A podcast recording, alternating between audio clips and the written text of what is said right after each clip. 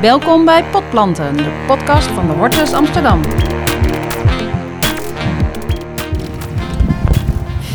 Welkom bij een nieuwe aflevering van Potplanten in de Hortus Amsterdam. Mijn naam is Janja Pubeek en ik sta met Arend Wakker, bioloog en rondleider bij de Hortus Amsterdam. Arend, we staan bij de grote, eigenlijk bij de ingang van een van de oudste botanische tuinen van Nederland.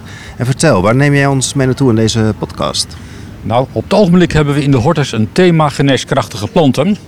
Onder het motto Beter met planten of plantenkracht.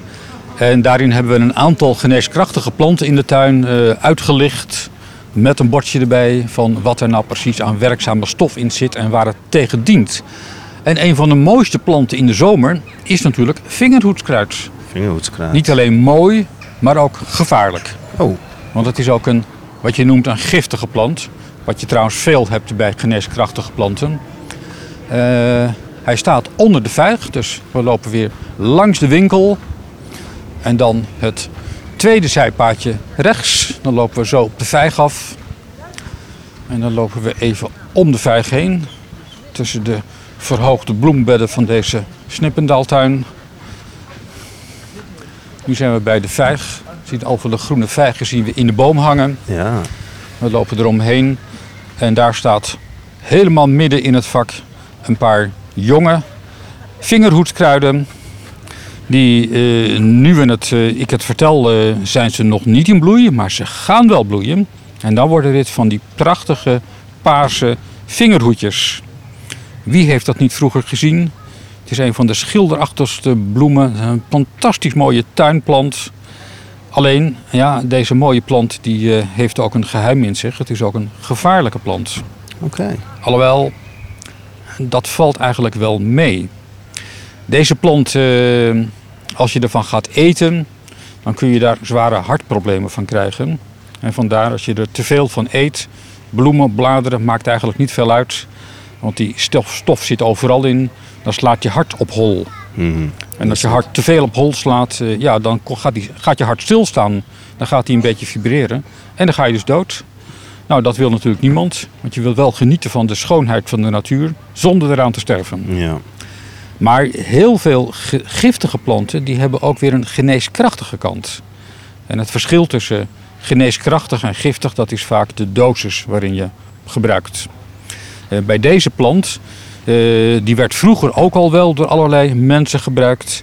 En in de 18e eeuw was er een arts, meneer Witherington, nee meneer Withering, uh, die ontmoette op een gegeven moment in 1775, 1775 een kruidenvrouwtje, Mother Hutton. En uh, die behandelde patiënten tegen oedeem. En uh, ja, als arts uh, zat hij eens goed te kijken wat zijn, zijn niet geleerde medearts, hoe, die, hoe zij dat deed. En ze gebruikten een zeer ingewikkeld recept met meer dan 20 planten zaten erin. En uiteindelijk, het was ook nog succesvol bij sommige patiënten tenminste. Wat is uh, oedeem, uh, Oedeem is opzwelling. Dus dat je hele dikke benen krijgt of hele dikke armen. Okay. En dat je water aantrekt in je weefsels. Mm. Nou, hij ging natuurlijk eens kijken welke, welke planten zaten er allemaal in dat ingewikkelde plantenmengsel. En één daarvan viel hem op. Hij zegt van nou, dat zou wel eens de werkzame plant kunnen zijn. Vingerhoedskruid. Want vroeger werden mensen dus vaak uh, genezen met behulp van kruidenmengsels en plantenmengsels. Waarbij vaak allerlei mythische planten in zaten. Ja, planten werden toegevoegd vanwege hun toegeschreven lichaamskracht. Of toegeschreven vitaliteit die dan over zou gaan naar de patiënt. Maar meneer Withering was een, wel een moderne man in de 18e eeuw. En hij zocht de werkzame bestanddelen in dat kruidenmengsel. En toen kwam hij uit bij vingerhoedskruid. En dat is hij zelf gaan proberen op alle mogelijke soorten patiënten. Maar ja, hij was arts. Uh, ja, hoe doe je dat? Proefnemingen op patiënten. Nou, hij had ook veel arme patiënten in zijn uh, klantenbestand. En die konden dan tegen, zonder geld, uh, werden die dan behandeld tegen van alles met vingerhoedskruid. En hij ging het dus met lage doses en met hoge doses proberen. Uh, vingerhoedskruid verdund, geconcentreerd van de bladeren, van de stengel. Van bladeren in het voorjaar geoogst, van bladeren in het najaar geoogst. En uiteindelijk kreeg hij tegen verschillende ziektes, eh, daar kreeg hij een beetje de vinger hoe hij die, dat vingerhoedskruid zou kunnen gebruiken. En hij zei, een van de opmerkelijkste verschijnselen is dat het hart er krachtiger van wordt. Nou, kijk. Nou, dat uiteindelijk dat heeft ook geleid dat in vingerhoedskruid, daar zit een stof, digo- digotoxine. Eh, en dat eh, laat, laat je hart sterker slaan. En dat kun je dus gebruiken als je een hartzwakte hebt. Nou, dat komt vaak voor. Alleen, ja, je moet dus wel heel voorzichtig zijn. Want eh, de dosering dat gaat per grammen of per milligrammen. En een gram te veel maakt uit of de patiënt het overleeft of dat de patiënt sterft. Ja. Nou, het eerste is wel gewend, het tweede niet. Eh, andersom bedoel ik. Ja. Ja, Nou, als arts moet je dat soort vergissingen niet maken natuurlijk. Ehm, en eh, tegenwoordig eh, zijn er natuurlijk, nou, is, nou, wordt heel veel gezocht in geneeskrachtige planten naar de werkzame bestanddelen. Tegenwoordig kunnen veel van dat soort werkzame bestanddelen ook in het laboratorium worden nagemaakt. Eh, die worden dan in pillen, poeiers of in zalven gedaan. Eh, en wat we hier eigenlijk aan het zien is dat de moderne geneeskunde, de farmacie, eigenlijk gebaseerd is op ouderwetse plantengeneeskunde. Een heel groot deel van de medicijnen die we bij de apotheek inslaan, eh, die waren oorspronkelijk gebaseerd op plantengeneesmiddelen of het zijn afgeleiden van plantengeneesmiddelen. En de fabrikanten van geneesmiddelen die zoeken nog altijd veel naar wilde planten om te kijken of daar niet werkzame planten tussen zitten tegen één of andere ziekte. En wat dan de werkzame bestanddelen zijn en kunnen we dat misschien namaken? En tegen welke ziektes zou dat kunnen helpen?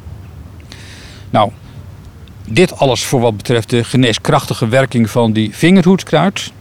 Is het nou ook zo'n werkzaam, zo'n vreselijk gevaarlijke plant die je weg moet houden van kinderen en volwassenen? Nee. Je kunt hem rustig aanraken bijvoorbeeld. Eh, als je van de vingertjes, van de bloemetjes gaat eten bijvoorbeeld, die worden door kinderen, dan worden ze meteen weer uitgespuugd, want ze zijn heel bitter. Trouwens, een van de eh, gevolgen als je eh, ruwe vingerhoedskruid gaat eten, is vaak ook dat je gaat overgeven. Ja. Zodat het meteen weer naar buiten gaat. Ja. Eh, dus gevaarlijk is het niet. Eh, je moet er wel voorzichtig mee zijn een beetje, maar ook weer niet overvoorzichtig.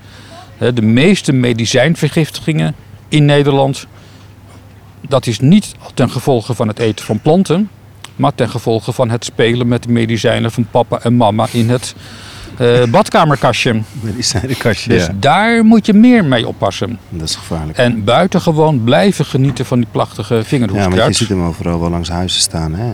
Ja, ja. Hé, nou Arend, nou, terwijl je dat mooie verhaal staat te vertellen, dan zie ik twee vingerhoedsplanten eigenlijk vrij dicht bij elkaar Ja, staan. ja. En die an- andere vingerhoedsplant, daar staat bij dat het, eh, als het in water of wijn gekookt wordt, Hm. eh, helpt het tegen verstoppingen van de lever en de milt. Is dat dan een andere Nee, familie? dit is, een, eh, dit is wel de gewone vingerhoedskruid die daar staat, de digitale spurpera. Dat is dezelfde. Wat hier staat is eigenlijk het 16e eeuwse geneesmiddel. Hè, want we staan hier in de Snippendaaltuin. Eigenlijk een namaking, een nabootsing van de originele tuin die vroeger niet op deze plek gestaan heeft, maar bij de Reguliers Breestraat. Daar heeft toen buiten de stadswallen in de 17e eeuw enige tijd een eh, medicinale kruidentuin gestaan. En van die kruidentuin hebben we eigenlijk alleen nog maar de plantenlijst over. Eh, hij stond onder leiding van meneer Snippendaal, stond die tuin. Vandaar dat we dit de Snippendaaltuin noemen. Eh, hier staan heel vaak oude recepten met toegeschreven werking.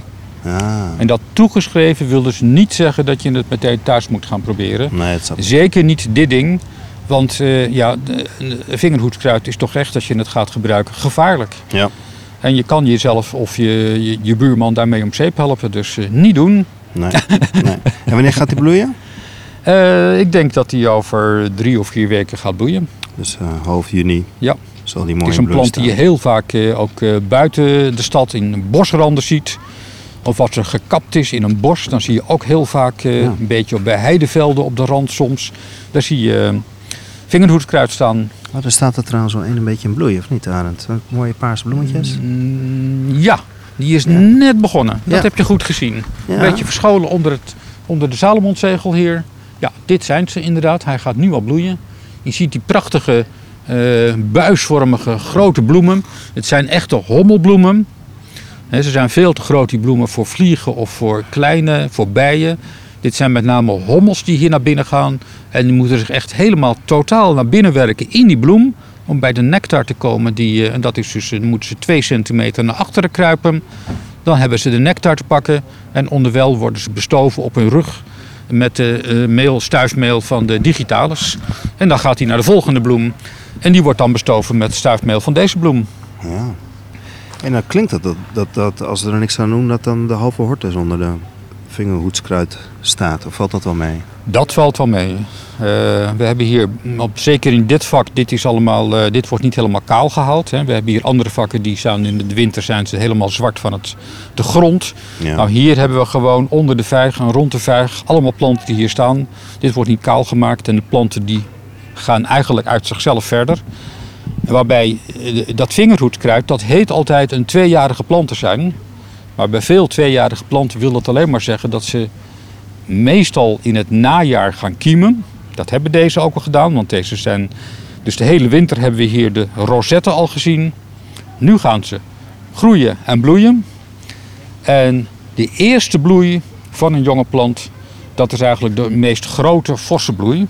En daarna gaan ze uit zichzelf blijven gewoon over. Het zijn eigenlijk overblijvende planten. Alleen de latere bloei is vaak wat minder. Ah. Dus ze worden in tuincentra als tweejarig verkocht. Maar dat betekent niet dat je ze na de eerste bloei moet weggooien. Je kunt ze rustig laten staan.